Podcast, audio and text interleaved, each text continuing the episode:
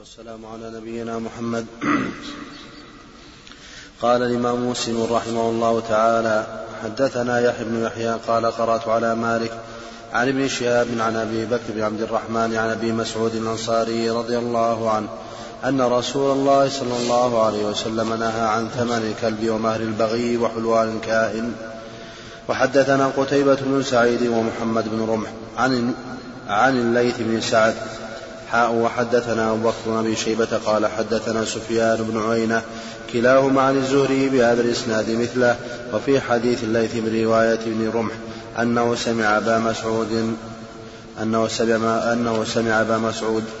وحدثني محمد بن حاتم قال حاتم قال حدثنا يحيى بن سعيد القطان عن محمد بن يوسف قال سمعت السائب بن يزيد يحدث عن رافع بن خديج رضي الله عنه قال سمعت النبي صلى الله عليه وسلم يقول شر الكسب مهر البغي وثمن الك... و...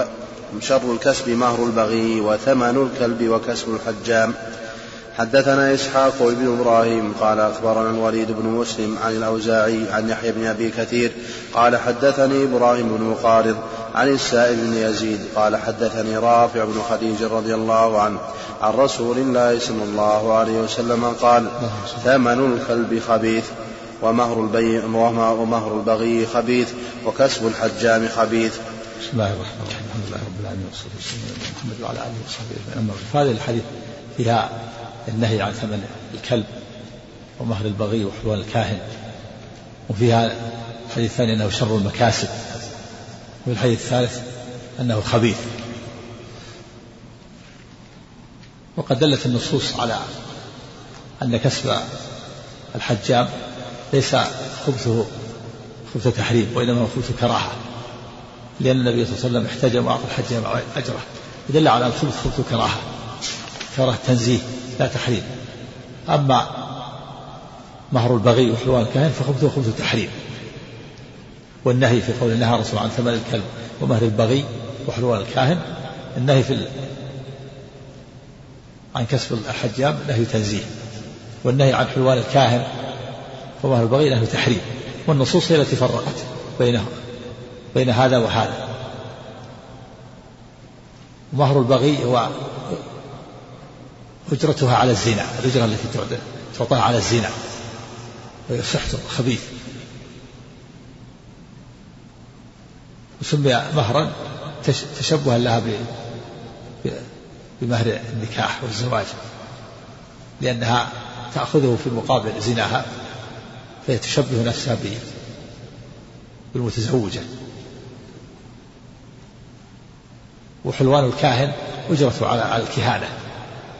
سمي حلوانا لأنه يأخذ حلوا بدون تعب ولا مشقة كأنه حلو كأنه سهل بسهولة أخذه. ولهذا فإن تجد الذين يأتون إلى الكهان يعطونهم ما يطلبون وليس هناك مماكسة. إذا طلب قليلا أو كثيرا أعطاه نسأل الله السلامة والعافية. ولكن مهر البغي وحلوان الكاهن لا يرد على مهر البغي لا يرد على على صاحبه وإنما يؤخذ وينفق في المصالح العامة المسلمين إذا أعطاها على الزنا يقام عليه الحد ولا يرد عليه المال وإنما ينفق في المصالح العامة. كسب الحج وكسب الرديء فيه دناءة. ينفق في في ينفق في في أشياء في غير المطاعم والمشارب. لا ينفق في الأكل والشرب وإنما ينفق في في علف للدواب أو وقود للنار الحطب والغاز أو ينفق به على على الخدم والدواب وما أشبه ذلك. كسب فيه رداعة ودناءة وليس محرما. نعم غيره أولى منه نعم. حدثنا إسحاق بن إبراهيم قال أخبرنا عبد الرزاق قال أخبرنا معمر عن يحيى بن أبي كثير بهذا الإسناد مثله. وحدثنا إسحاق بن إبراهيم قال أخبرنا النضر بن شميل.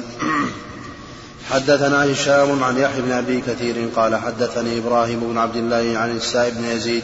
والبغي هي الزانيه البغي هي نعم.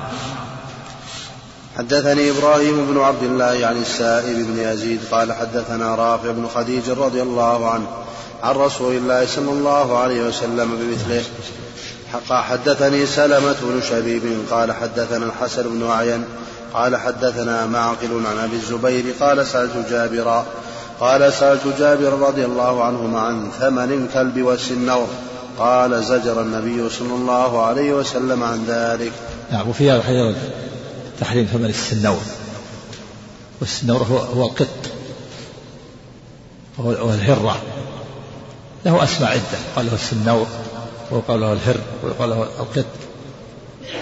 له أسماء كثيرة. حتى أن السيوطي ألف رسالة. في أسماء سماها البلور في أسماء السنور. له أسماء كثيرة. من أسماء القط والهرة. سميها العام بعض بعض عندنا يسمونها البسة. والهرة والقطة. لها أسماء كثيرة. ثمنها حرام لأنها لا تؤكل. كذلك السباع ليس لها ثمن لا تباع. والهرة لا تباع. نعم. كذلك الحشرات لا تباع. نعم وذوات السموم كل هذه كل ما ما حرم إن الله إذا حرم شيئا حرم ثمنه. محرمات ليس لها أثمان. نعم. السباع. لماذا تصاد السباع؟ السباع لا ينبغي أن تصاد. تصاد لماذا؟ نعم. عرض. لا هذا هذا سفه. لماذا تأتي الصاد هذا سفه. ليس لها ثمن. تكلف. تكلف على نفسه هو اللي يكلف نفسه من يكلف يكلف نفسه يصير شيء حرام يريد ثمن تكلفه. نسأل الله العافية. نعم. نعم. شيء من هذا. مثل ذوات السموم في الاستفادة من سمومها في العلاج. ولم تتحصل إلا بالمال يكون حراما على الآخر. نعم لا لا, لا يأخذ لا, لا يدفع مال مثل ثمن الدم الدم يبذل يبذل بدون مقابل. نعم. نعم. إذا احتاج إلى كبر صيد ليس له أن يشتري لكن يهدى. يهدى ولا يباع. نعم. نعم. ولا فاعل كذلك. كلهم ليس لها ثمن. لا تباع. نعم. إن الله إذا حرم شيء حرم ثمنه. ما عدا الشيء مثل الذهب والفضة هذا محرم استعماله على الرجال لكن هذا نقد. يباع. مثل الحرير محل على الرجال يباع يباح للنساء. نعم. إذا لم يتحصل عليها إلا بالمال لا ليس له ذلك نعم. نعم. اللهم إذا كان هناك ضرورة يدفع به بها الموت فشيء آخر. نعم. نعم المحرمات ليس لها ثمن. نعم. كذلك القنفذ لا ليس له ثمن لأنه ما يؤكل ما تباع. وكذلك ذوات السموم والحيات والعقارب. نعم. نعم. حدثنا يحيى بن يحيى قال قرأت على مالك عن نافع عن ابن عمر رضي الله عنهما أن رسول الله صلى الله عليه وسلم أمر بقتل الكلاب حدثنا أبو بكر بن أبي شيبة قال حدثنا أبو أسامة قال حدثنا عبيد الله عن نافع عن ابن عمر رضي الله عنهما قال أمر رسول الله صلى الله عليه وسلم بقتل كلاب فأرسل في أقطار المدينة أن تقتل. وحدثني حميد بن مسعدة قال حدثنا بشر يعني بن المفضل قال حدثنا إسماعيل وهو ابن أمية عن نافع عن عبد الله رضي الله عنه قال كان رسول الله صلى الله عليه وسلم يأمر بقتل الكلاب فتنبعث في المدينة وأطرافها. فننبعث. فنبعث؟ فن ولا فننبعث؟ فننبعث في المدينة. طيب إيش عندك؟ بنونين طيب ننبعث نعم. فننبعث في المدينة وأطرافها فلا ندع كلبا إلا قتلناه حتى إنا لنقتل كلب المرية من أهل البادية المرية. تصغير المرأة تكلم على المرية عندك الشارع نعم نعم. حتى إنا لنقتل كلب المرية من أهل البادية يتبعها. حدثنا يحيى بن وهذا كان أولا. النبي صلى الله عليه وسلم كان أمر أولا بقتل الكلاب ثم نسخ. قال إنها أمة من الأمم. كان أولا أمر بقتل الكلاب. وصاروا يتتبعون الكلاب ويقتلونها. ثم نهى النبي عن ذلك. إلا الكلب إلا المؤذي والعقور والأسود البهيم الخالص الذي ليس فيه لون آخر. وكذلك ذي النقطتين له نقطتان. لا يخرج عن كونه بهيما. هذه بقي بقي قتلها. جاء في الحديث التعليل بأنه شيطان الأسود فكان النبي صلى الله عليه وسلم أول من قتل الكلاب ثم نسخ الأمر بقتلها لأن أمة من الأمم. وبقي قتل المؤذي وقتل الكلب العقور والأسود البهيم. وما فيه نقطة ما فيه نقطتان يعني الخالص لأنه شيطان. نعم. نعم. لا الشيطان معناها المتمرد. المتمرد المتمرد من كل سن يسمى الشيطان الانس لهم شياطين والجن لهم شياطين. شياطين الإنس والجن. ما ما يشترط أن يكون من الجن. كل أمة من الأمم كل فئة من الفئات من خرج عن طبيعته يسمى الشيطان. خرج عن طبيعة الكلاب يسمى الشيطان. خرج عن طبيعة الإنس يسمى الشيطان. وخرج عن طبيعة الجن. ولهذا الكفار من الجن يسمى يسمى الشيطان الكافر. والمسلم ما يسمى الشيطان من الجن. والمتمرد من الإنس يسمى الشيطان. وهو إنس شياطين الإنس والجن. يوحي بعضهم إلى بعض زخرف القول غرورا نعم وهذا الشيطان خرج عن غيره بطبيعة الإيذاء. نعم. نعم. المحشي يتكلم هنا أحسن عليك. يقول مرية تصغير المرأة مع تسهيل الهمزة وأصلها مريئة مريئة. مريئة ثم سهلت وقلبت ياء فضمت الياء في الياء وشدت فصلها المريئة نعم. يقول وهي لغة عربية صحيحة طبعا وما زال العرب وأهل البوادي ينطقونها كذلك. نعم. المريئة المرأة تصل المرأة. نعم.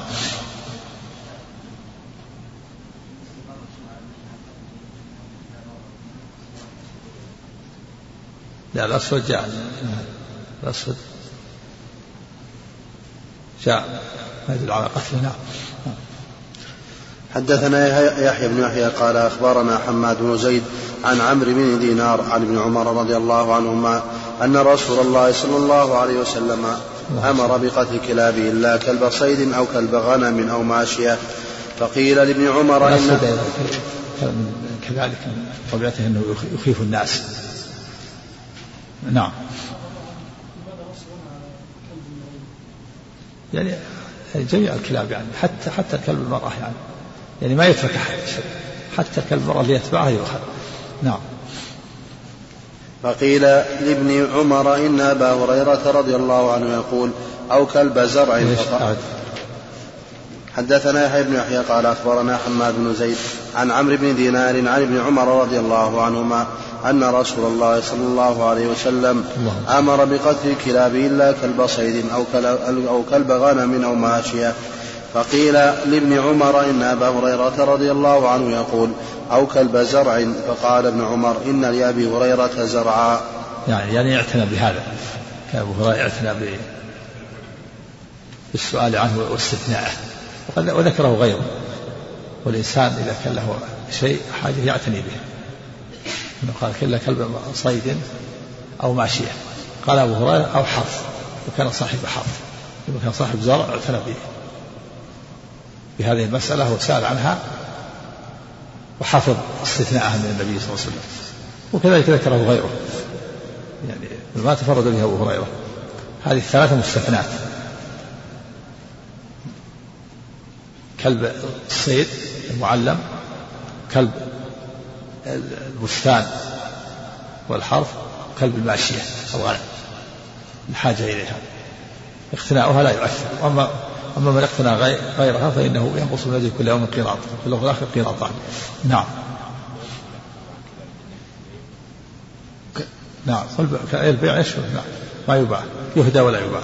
كلب على الصحيح. في خلاف لكن هذا الصواب. لأن النبي صلى الله عليه وسلم استثنى شيئا. نعم. حدثنا محمد بن أحمد بن أبي خلف قال حدثنا روح حاء وحدثني إسحاق بن منصور قال أخبرنا روح بن عبادة قال حدثنا ابن جريج قال أخبرني أبو الزبير أنه سمع جابر بن عبد الله رضي الله عنهما يقول أمرنا رسول الله صلى الله عليه وسلم بقتل الكلاب حتى إن المرأة تقدم من البادية بكلبها فنقتله ثم نهى النبي صلى الله عليه وسلم عن قتلها. نعم هذا في بيان الناسخ والمنسوخ أمر بقتلها ثم نهى النهي هذا هذا الناسخ كلب الصيد والماشية والحرث لا لا يباع. ليس له ثمن. يشمله العمر؟ وهذا هو الذي عليه الجماهير. ذهب بعضهم إلى أن أجاز أبو حنيفة بيعه. كذلك الإمام مالك في رواية وفي رواية أنه لا يباع ولكن إذا قتل أو فله فله قيمة. وهذه الأقوال ضعيفة الصواب المنع الصواب أنه لا يباع مطلقا. وليس له ثمن نعم. نعم. نقطتان فوق في فوق أنفه وجبهته نقطتان من غير السواد بيضاء نعم. ما يخرج عن كونه بهيم نعم. حدثنا عبيد الله بن معاذ قال أخبرنا أبي قال حدثنا شعبة عن أبي التياح سمع مطرف بن عبد الله عن ابن عن ابن المغفر رضي الله عنه قال أمر رسول الله صلى الله عليه وسلم بقتل الكلاب ثم قال ما باله ما بالهم وما ما بالهم وبال الكلاب. ثم رخص في كلب الصيد وكلب الغنم. وحدثني يحيى بن حبيب قال حدثنا خالد يعني بن الحارث. حاون وحدثني محمد بن حاتم. قال حدثنا ابن سعيد. حاون وحدثني محمد بن وليد قال حدثنا محمد بن جعفر. حاون وحدثنا إسحاق بن إبراهيم. قال أخبرنا النضر حاون وحدثنا محمد المثنى قال حدثنا وهب وهب بن جرير كلهم عن شعبة بهذا الإسناد وقال ابن حاتم في حديث عن يحيى ورخص في كلب الغنم والصيد والزرع. حدثنا يحيى بن يحيى قال قرأت على مالك عن نافع عن ابن عمر رضي الله عنهما قال قال رسول الله صلى الله عليه وسلم من اقتنى كلبا إلا كلب ماشية أو ضار نقص من عمله كل يوم قيراطان. وحدثنا أبو بكر بن أبي شيبة وزهير بن حرب وابن نمير قالوا حدثنا سفيان عن الزهري عن سالم عن أبيه عن النبي صلى الله عليه وسلم قال من اقتنى كلبا إلا كلب صيد أو ماشية نقص من أجره كل يوم قيراطان. حدثنا يحيى بن يحيى هذا فيه بيان ما يحصل لمن اقتنى كلب الكلب. وأنه يخسر خسارة عظيمة. ينقص من أجره كل يوم قيراط. في الحديث الآخر قيراطان. والمعول عليه القيراطان لأن النبي أخبر أولا بالقيراط ثم أخبر أولا بالقيراط الثاني وهو مقدار من الأجر. قيل إنه جزء من 24 جزءا يعني من عمله من أجره في اليوم والليلة. 24 ساعة. يوصل من أجل كل يوم قيراطان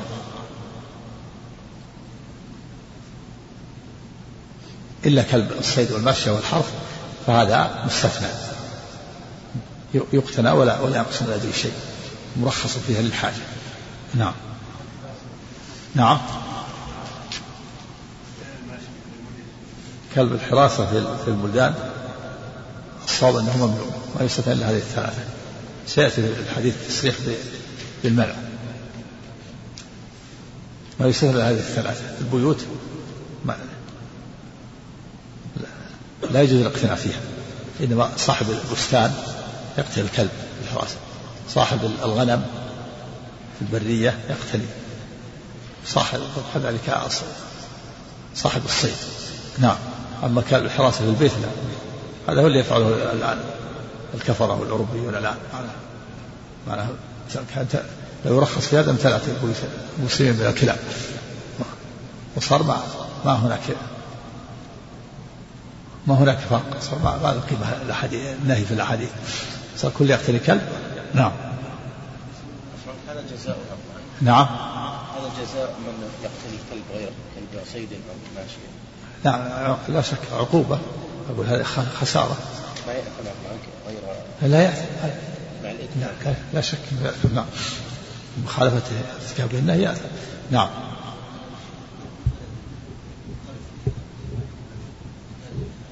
ولا ولا لا يحرص غير غير المحرمات. استأجر من يحرسه نعم. حدثنا يحيى الحجر من الآدميين يستفيد أمور من الكلام. نعم. حدثنا يحيى بن يحيى ويحيى بن أيوب وقتيبة وابن حجر. قال يحيى بن يحيى أخبرنا وقال ما, ما تمنع ما تمنع النصوص يربيها ويقتلها ويخلص أسر عليه من الآدمي نعم. نعم. حدثنا يحيى, يحيى بن يحيى ويحيى بن أيوب وقتيبة وابن حجر قال يحيى بن يحيى أخبرنا وقال الآخرون حدثنا إسماعيل وهو ابن جعفر عن عبد الله بن دينار أنه سمع ابن عمر رضي الله عنهما قال قال رسول الله صلى الله عليه وسلم من اقتنى كلبا إلا كلب ضارية أو ماشية نقص من عمله كل يوم قيراطان حدثنا يحيى بن يحيى كلب الله. الغنم سبق. نعم. معلم كبر الصيد نعم. نعم حدثنا يحيى بن يحيى يحيى بن يحيى ويحيى بن أيوب وقتيبة بن حجر قال يحيى أخبرنا وقال الآخرون حدثنا إسماعيل عن محمد وهو ابن وهو ابن أبي حرملة عن سالم بن عبد الله عن أبي رضي الله عنهما أن رسول الله صلى الله عليه وسلم قال من اقتنى كلبا إلا كلب ماشية أو كلب صيد نقص من عمله كل يوم قيراط. قال عبد الله وقال أبو هريرة أو كلب حرث. حدثنا إسحاق بن ابن إبراهيم.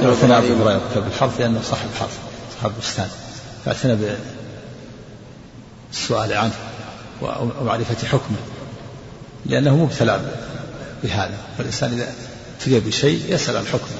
نعم.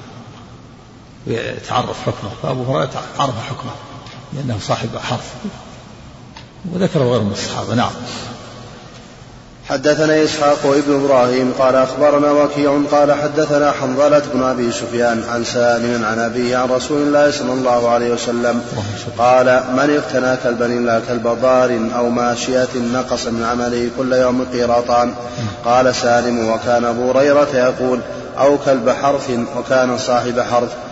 حدثنا داود بن رشيد قال حدثنا مروان بن معاوية قال أخبرنا عمر بن حمزة بن عبد الله بن عمر قال حدثنا سالم بن عبد الله عن أبيه رضي الله عنهما قال قال رسول الله صلى الله عليه وسلم أيما أهل دار اتخذوا كلبا إلا كلب ماشية أو كلب صاعد نقص من عملهم كل يوم قيراطان. أيما أهل دار اتخذوا كلبا هذا فيه الرد على من قاس كلب الحراسة في الدور على كلب الصيد. التصريح بأن الكلب في الدار لا يجوز وأنه ينقص من كل يوم قيراطان تصريح صريح. أيما أهل دار اتخذوا كلبا إلا كلب ماشية أو أو صائد. كلب الصائد يعني كلب الصيد. ينقص من عده هذا صريح في أن الكلب للحراسة في الدور والبيوت لا يجوز وأنه ممنوع. وفي الرد على من قاس على كلب كلب الماشية أو كلب الحرف نعم من اقتنع عاد. قال عن عن عبد الله بن عمر قال قال رسول الله صلى الله عليه وسلم أيما أهل دار اتخذوا كلبا إلا كلب ماشية أو كلب صائد نقص من عملهم كل يوم قيراطان. كلب صائد يعني كلب صيد هذا صريح في أن أنه لا يجوز اتخاذ الكلب في الدار للحراسة. نعم الرد على من؟ قاسه على كلب الماشية أو كلب الزرع نعم. الزرع صاحب الزرع محتاج صاحب البستان بستان واسع شاسع الأطراف يحتاج إلى كلب لكن البيت ليس له هذا. وقد يكون في الغالب يكون صاحب الزرع ناعي عن البلد ويكون بينه وبين جاره مسافة. بخلاف الدور فإنها متقاربة مسافتها قليلة فلا, فلا حاجة إلى مساحتها قليلة فلا حاجة إلى إلى الكلب. نعم. نعم. له إيش؟ يؤوي إيش؟ لا لا يؤوي؟ هذا معنى لا يجوز أيوه ها؟ هذا هذا كلب الصيد الماشية مستثنى. نعم. هذه مستثنات نعم. نعم. ثلاثة. كلب الصيد كلب الزرع كلب الماشية نعم. حدثنا محمد بن مثنى وابن بشار واللفظ بمثنى. قال حدثنا محمد بن جعفر. قال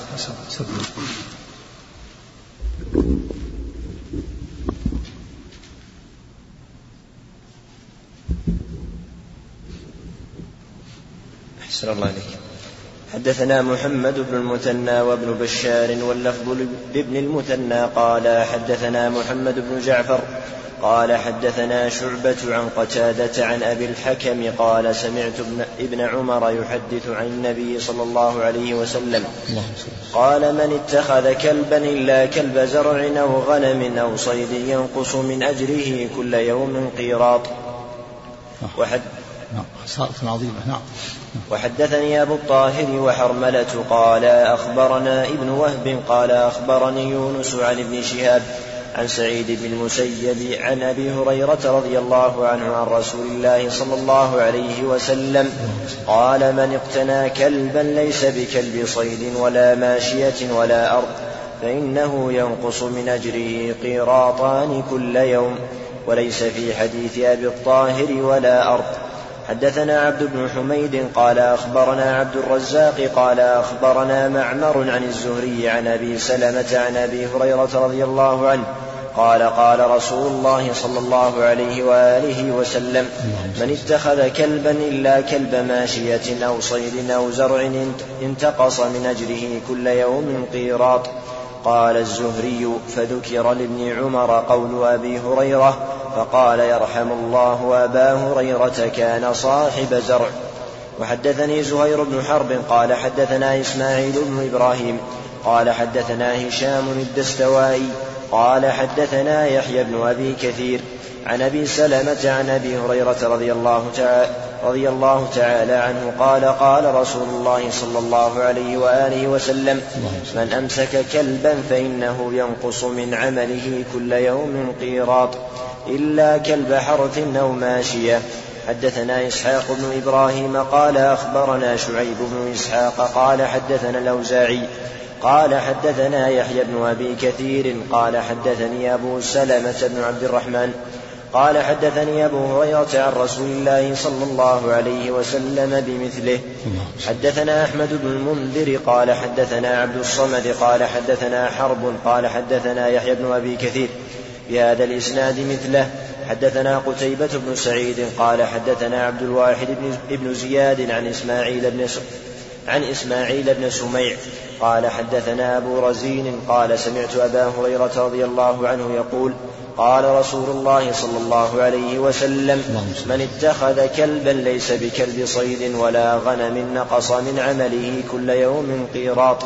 حدثنا يحيى بن يحيى قال قرأت على مالك عن يزيد بن خصيفة أن السائب بن يزيد أخبره أنه سمع سفيان بن أبي زهير وهو رجل من شنوءة من أصحاب النبي صلى الله عليه وسلم قال سمعت رسول الله صلى الله عليه وسلم يقول من اقتنى كلبا لا يغني عنه زرعا ولا ضرعا نقص من عمله كل يوم قيراط قال أنت سمعت هذا من رسول الله صلى الله عليه وسلم؟ قال إي ورب هذا المسجد إي ورب هذا تصفيق كلمة تصفيق إي بكسر الهمزة ويسكون الياء كلمة تصديق من قوله تعالى قل إيه وربي إنه لحق.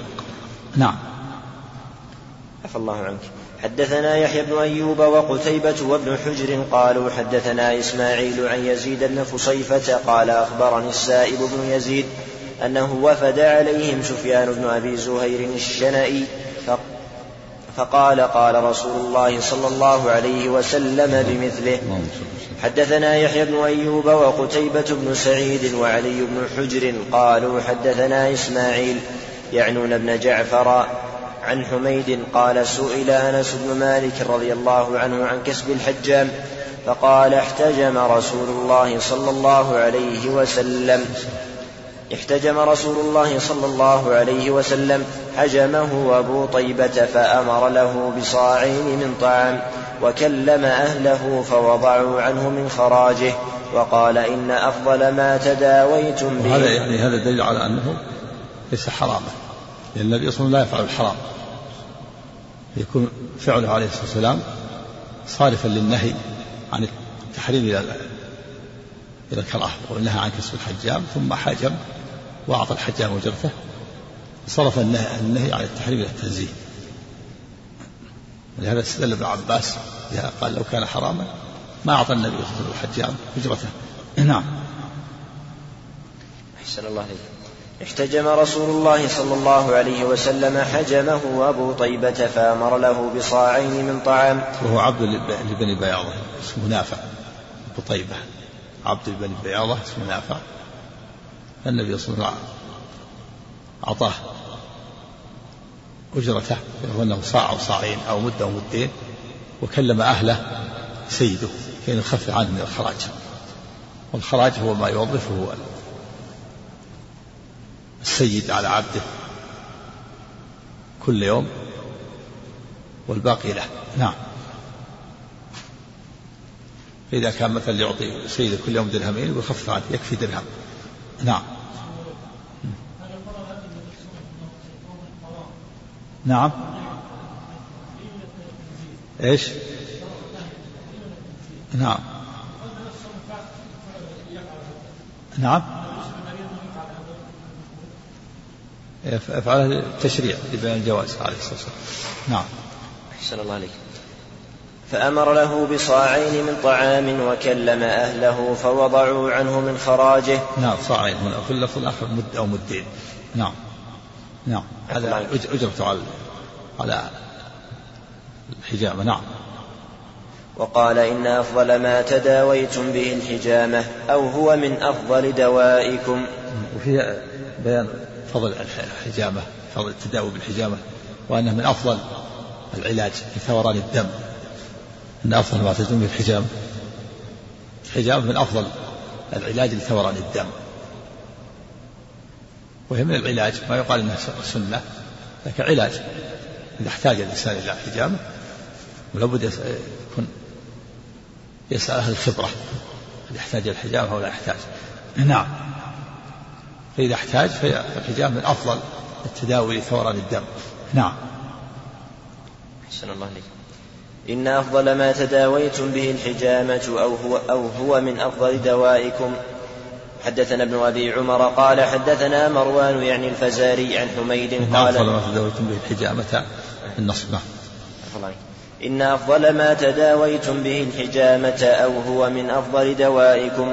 حدثنا ابن أبي عمر قال حدثنا مروان يعني الفزاري عن عن حميد عن حميد قال سئل أنس عن كسب الحجام فذكر بمثله غير أنه قال إن أفضل ما تداويتم به الحجامة. والقسط البحري ولا تعذبوا صبي ولا تعذبوا صبيانكم بالغمز. نعم فيه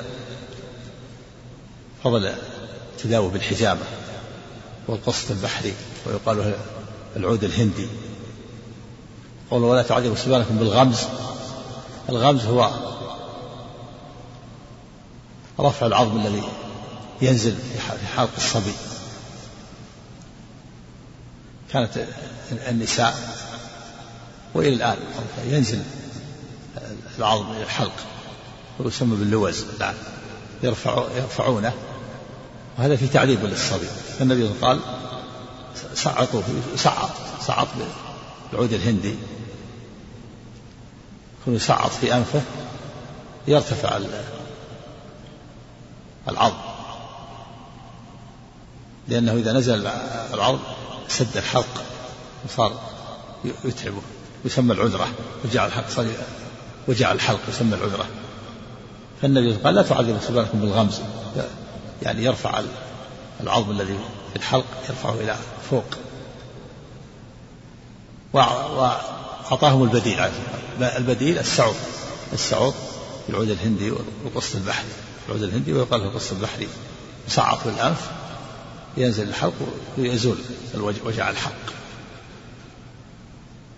وبعض النساء إلى الآن يفعلون هذا الغمس إذا نزل هو هو اللي وزن نزل الحلق رفعوه يعني هذا يتعب الصبي. ولهذا قال لا تعذبوا صبيانكم بالغمس أو بالحلق عليكم بالسعود. بالعود الهندي وقص البحر. نعم. فيه دليل على أن الحجامة والسعود من أفضل الأدوية عند الحاجة إليها. وقال إيش؟ أحد أعد. أحسن الله غير أنه قال إن أفضل ما تداويتم به الحجامة والقسط البحري ولا تعذبوا صبيانكم بالغمز. غمز رفع العظم اللي في الحلق إذا نزل. نعم. باللوز الآن نعم ألا يكون النبي صلى الله عليه وسلم وهذا من شفقة على أمته ورحمته بهم نعم. حجابا فعله صلى الله عليه وسلم بعد لا يكون هنا نسخ. فعل فعلهم أقول التداوم باب التداوم نعم. أو فعل صلى الله عليه وسلم لا يكون في مجال يقال نسخ من التحريم الإباحة وأن المكروه هو فعل لا لا, لا ما, ما في كراهة. نعم. هذا علاج علاج عند الحاجة إليه. ما في كراهة ولا تحريم. الأصل في الإباحة التداوي الإباحة. بل فإنه سنة مستحب التداوي. عباد الله تداوى ولا تداوى بحرام. نعم. نعم. أحسن الله حدثنا أحمد بن الحسن بن خراش قال حدثنا شبابة قال حدثنا شعبة عن حميد قال سمعت أنسا يقول رضي الله عنه يقول دعا النبي دعا النبي صلى الله عليه وسلم غلاما حجاما فحجمه فأمر له بصاع أو مد أو مدين وكلم فيه فخفف عن فخفف عن ضريبته كف عن كلم المواليه خففوا عنه. إذا كان مولاه يعطيه كل يوم درهمين قال خفف عنه يكفي درهم. وهذا اسمه الخراج. الخراج مخارجة بين السيد والعبد. كان يقول مثلا السيد يأذن لعبده يشتغل كل يوم في الصناعات العمل إما يعمل أو يعمل في صنعة في الحداد أو نجار. أو يكون يعمل مثلا في ساعات في الزمن هذا أو في الحلاء في الزرع. ويقول اشتغل واعطني كل يوم درهم والباقي لك. يترك الباقي له يستفيد منه ينفق على أولاده إذا كان أولاد. أو يقول مثلا تكسب كل يوم عشرة ريالات تعطيه خمسة ولك خمسة. تكسب مثلا في هذا الزمن مئة ريال في اليوم تعطيه سبعين ولك ثلاثين. أو يوظف عليه كل أسبوع كل أسبوع تأتيه مئة مئتين ثلاثمائة أربعمائة والباقي لك. هذا هذا الخراج. ويقال أن الزبير رضي الله عنه كان له ألف عبد. ووظفهم قال كل واحد يأتي منكم بدرهم كل يوم بدرهم. فصار يأتي كل يوم ألف درهم. ألف عبد كل واحد يأتي له بدرهم. فيأتي كل يوم ألف. رضي الله عنه وأرضاه. نعم. لا ما ينطبق عليه. العمالة أحرار مو عبيد كيف تستعبدون الناس وقد ولدتهم الله الأحرار العمالة عمال تأتي تشغلهم عندك ولا تسفرهم تستعبدهم يشتغلون عند الناس يعطونك؟ من الذي أباح لك؟ نعم. لا هذا حرام. ما يجوز ما يجوز هذا. لكن المال بالباطل نعم. لكن إذا كان العبد اشترك بحر مالك نعم يشتغل لك يشتغل ويعطيك نعم. أما تجيب عامل حر تأخذ ماله بدون مقابل هذا مثل المال بالباطل نعم. أحسن الله عليك. وحدثنا أبو بكر بن أبي شيبة قال حدثنا عفان عفان بن مسلم حاء وحدثنا إسحاق بن إبراهيم قال أخبرنا المخزومي كلاهما عن وهيب. قال حدثنا ابن طاووس عن أبيه عن ابن عباس رضي الله عنهما أن رسول الله صلى الله عليه وسلم احتجم وأعطى الحجام أجره واستعط. حدثنا إسحاق بن إبراهيم. فعل السعود. احتجم واستعط. فعل السعود. والسعود في الأنف. في دليل النبي استعمل في العلاج السعود في أنفه. والحجامة نعم.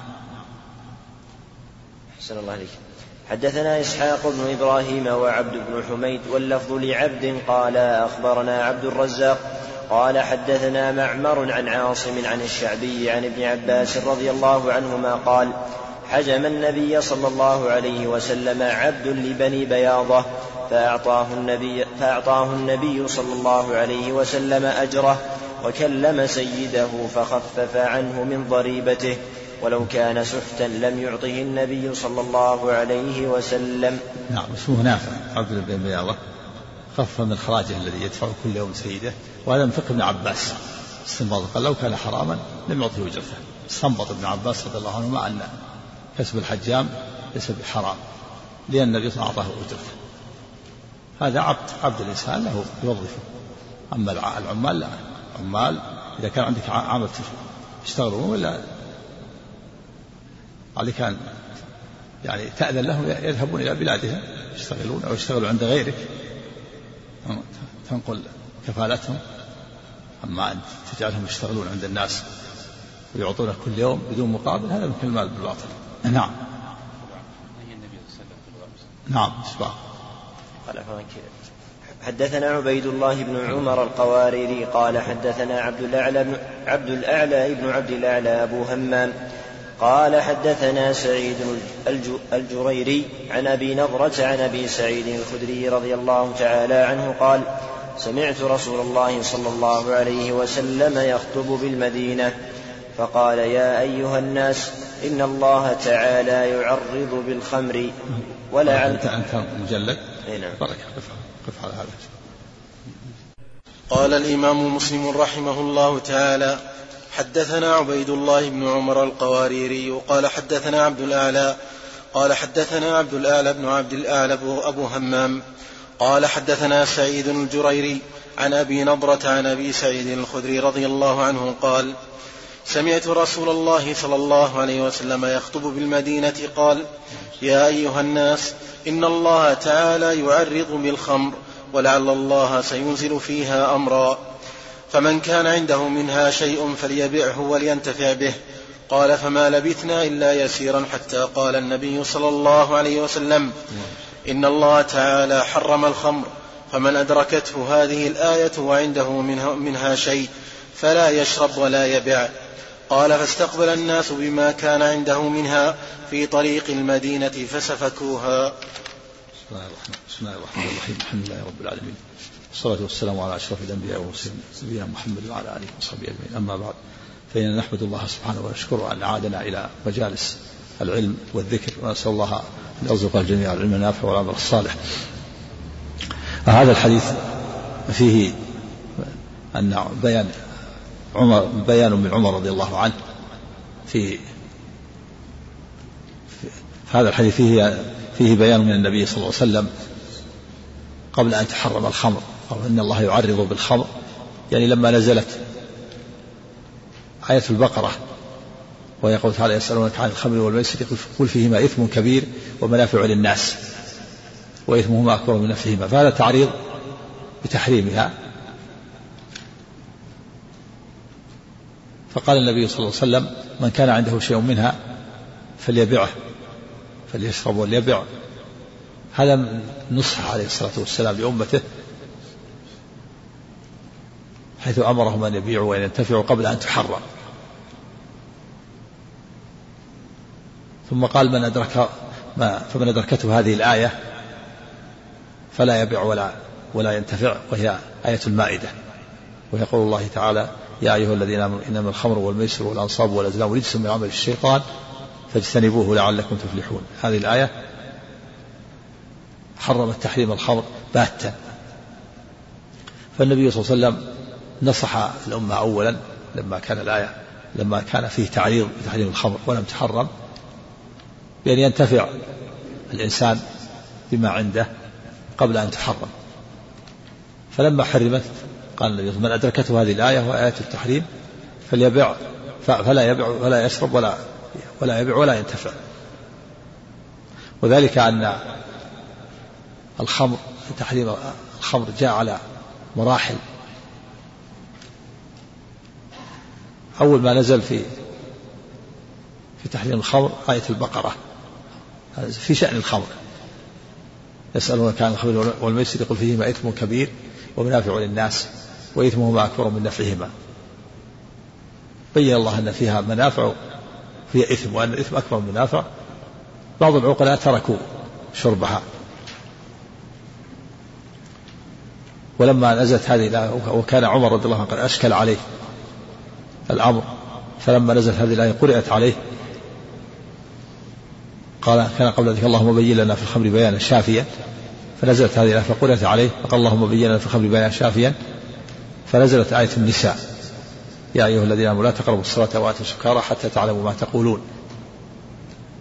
فكان الناس يشربونها في الوقتين الطويلين بعد العشاء وبعد الفجر ولا يشربونها بعد الظهر وبعد العصر وبعد المغرب لأنها أوقات قصيرة.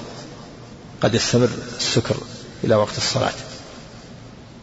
فهو فأتي عمر وقرأت عليه هذه الآية لما نزلت. اللهم بين لنا في الخمر بيانا شافيا. ثم نزلت آية المائدة الباتة في التحريم وهي قول الله تعالى يا أيها الذين آمنوا إنما الخمر والميسر والأنصاب والأزلام رجس من عمل الشيطان فاجتنبوه لعلكم تفلحون. إنما يريد الشيطان أن يوقع بينكم العداوة والبغضاء في الخمر والميسر ويصدكم عن ذكر الله وعن الصلاة فهل أنتم منتهون؟ فقرأت على عمر فقال انتهينا انتهينا. فانتهى الناس فاستقبلوا بها سكك المدينة وسفكوها وأهرقوها وهذا يدل على شدة امتثال الصحابة رضي الله عنهم للأوامر والنواهي. جاء في حديث آخر أن أن أبا طلحة كان عنده أناس وكانوا يشربون الخمر فسمعوا منادي النبي صلى الله عليه وسلم ينادي بالتحريم فأمر أبا طلحة أنسا يسمع يسمع تسمع فسمع الخبر. فلما سمعوا الخبر انتهوا وسفكوها في سكك فجرت في سكك المدينة. احتج به بعض العلماء على أن الخمر ليست بنجسة لأن لو كانت نجسة لما أقرهم النبي صلى الله عليه وسلم على سفكها في سكك المدينة. تصيب الأقدام وتصيب الثياب طرف الثياب دل على أنها ليست نجسة. وأما قوله تعالى إنما الخمر والأنصاب والأزلام إنما الخمر إنما الخمر والميسر والأنصاب والأزلام رجس فالمراد الرجس المعنوي.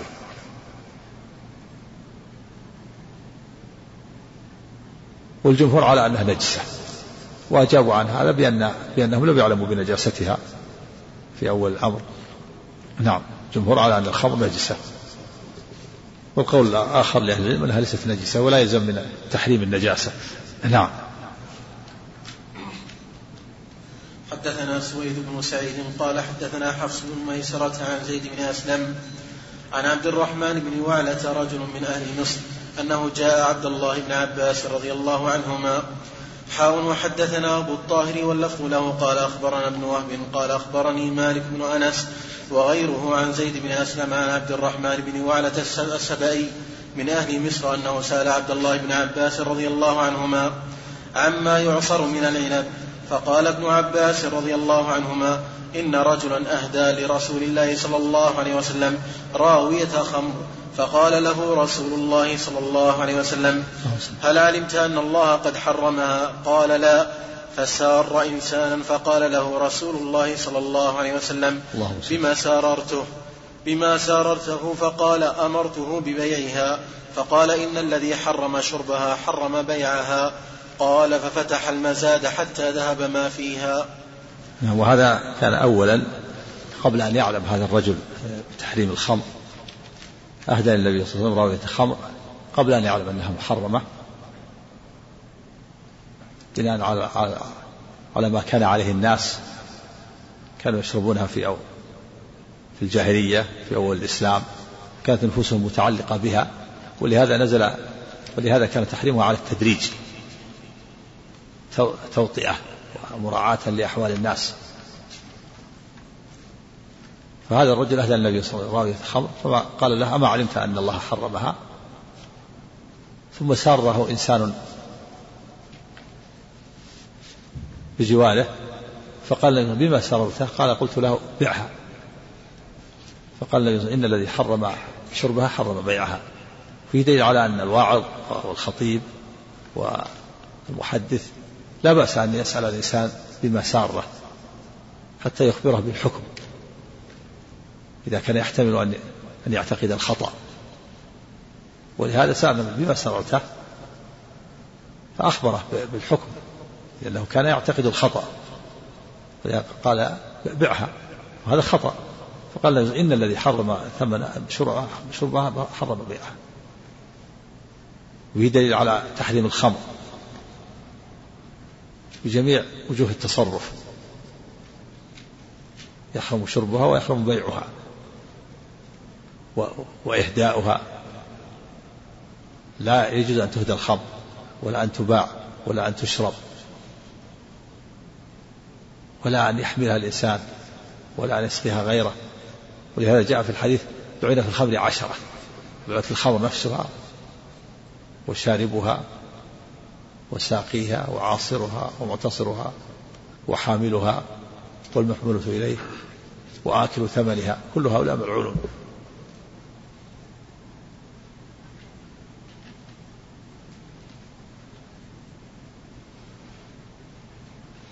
نعم. حدثني أبو الطاهر قال أخبرنا ابن وهب قال أخبرني سليمان بن بلال عن يحيى بن سعيد عن عبد الرحمن بن وعلة عن عبد الله بن عباس رضي الله عنهما عن رسول الله صلى الله عليه وسلم مثله.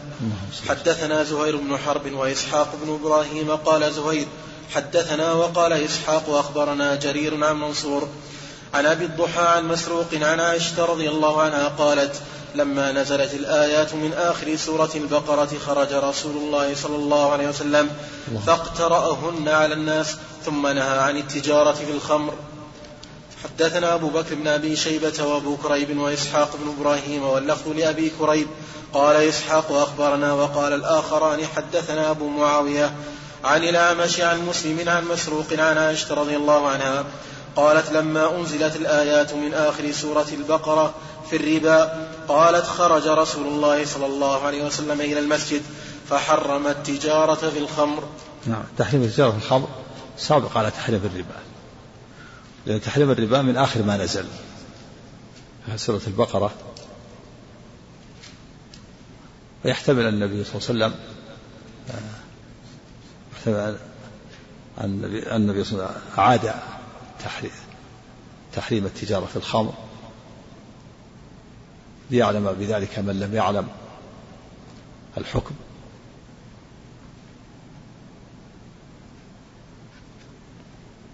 نعم إيش قال الشارع عليه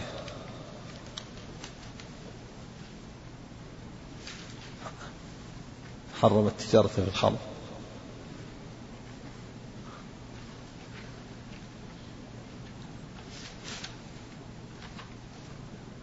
ما تعرض له قولها لما نزلت لما أنزلت الآيات من آخر سورة البقرة في الربا خرج رسول الله صلى الله عليه وسلم فاقترأهن على الناس ثم حرم التجارة بالخمر. قال القاضي وغيره تحريم الخمر هو في سورة المائدة.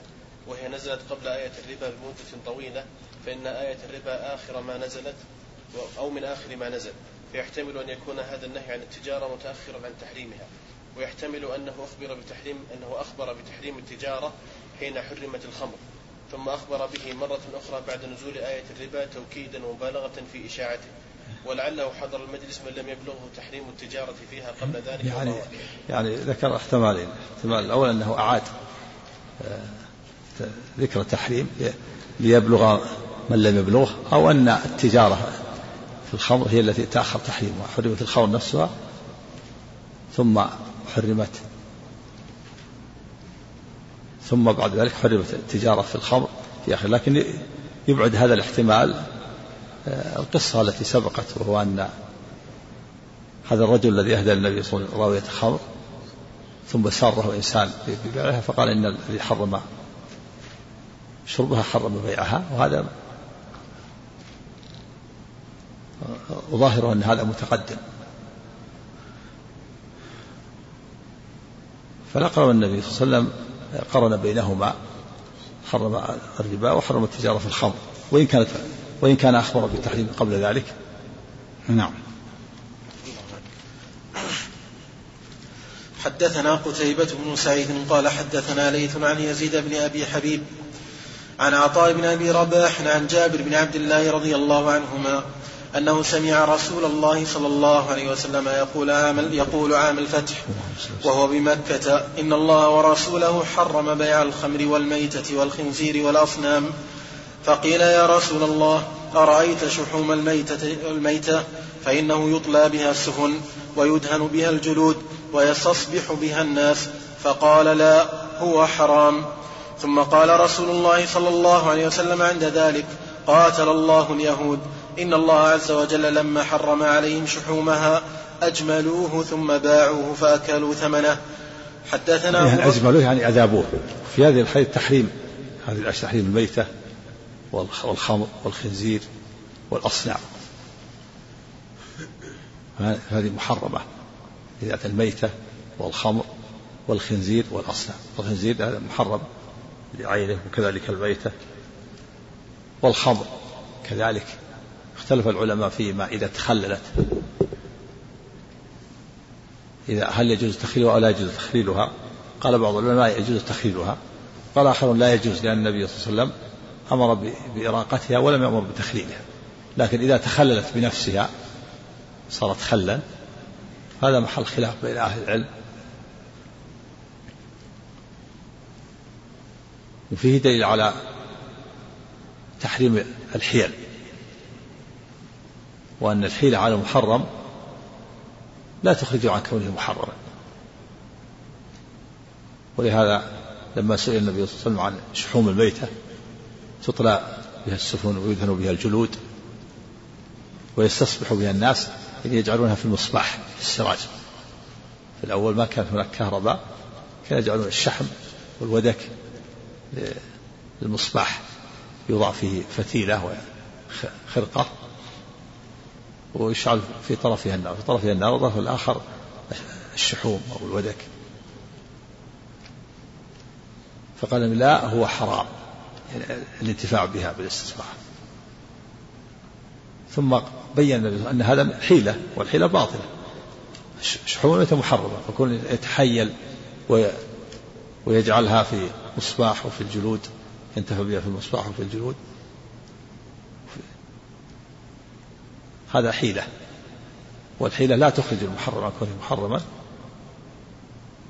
ثم بين النبي صلى الله عليه وسلم آه، أن الحيل من فعل اليهود. وذمهم قال قاتل الله اليهود. لعن الله اليهود. إن الله لما حرم عليهم الشحوم. يعني حرم الله عليهم الشحوم عقوبة لهم. كقوله تعالى وعلى الذين هادوا حرمنا كل ذي ظفر ومن البقر والغنم حرمنا عليهم شحومهما إلا ما حملت ظهورهما أو الحوايا أو ما اختلط بعظم ذلك جزيناهم ببغيهم وإنا لصادقون بسبب بغيهم وظلمهم. حرم الله عليهم الشحوم. الشحوم المذبوح حتى المذبوحة. مو شحوم الميتة. حرم الله عليهم الشحوم بسبب ظلمهم وعنادهم كما قال فبظلم من الذين هادوا حرمنا عليهم طيبات وحلت لهم. وبصدهم عن سبيل الله كريما لما حرم الله عليهم الشحوم احتالوا. فأخذوا الشحوم وأذابوها. أذبوها على النار موعوها وأذابوها حتى صارت دهن ثم باعوها وأكلوا ثمنها وقالوا ما إحنا ما بعنا الشحم بنا بنا دهن. ما بعنا الشحم بعنا دهن دهن. هذه حيلة ولكن حيلة باطلة.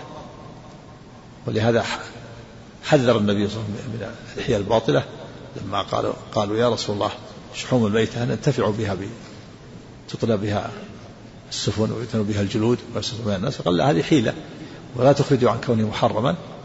وهي كحيلة اليهود حينما حرم الله عليهم الشحوم أذابوه يعني على النار ثم باعوه وأكلوا ثمنه. وكحيلة أصحاب السبت. الذين حرم الله عليهم اصطياد السبت اصطياد الحوت يوم السبت فابتلاهم الله بأن كانت الحوت لا تأتي إلا يوم السبت ولا تأتي بقية الأيام. احتالوا فنصبوا الشراك يوم الجمعة ثم تصيد يوم السبت ثم يأخذون يوم الأحد وقالوا ما ما صدنا يوم السبت أخذناها يوم الأحد. هذه حيلة. فلما فعلوا ذلك مسخهم الله قردة وخنازير نعوذ بالله. نعم.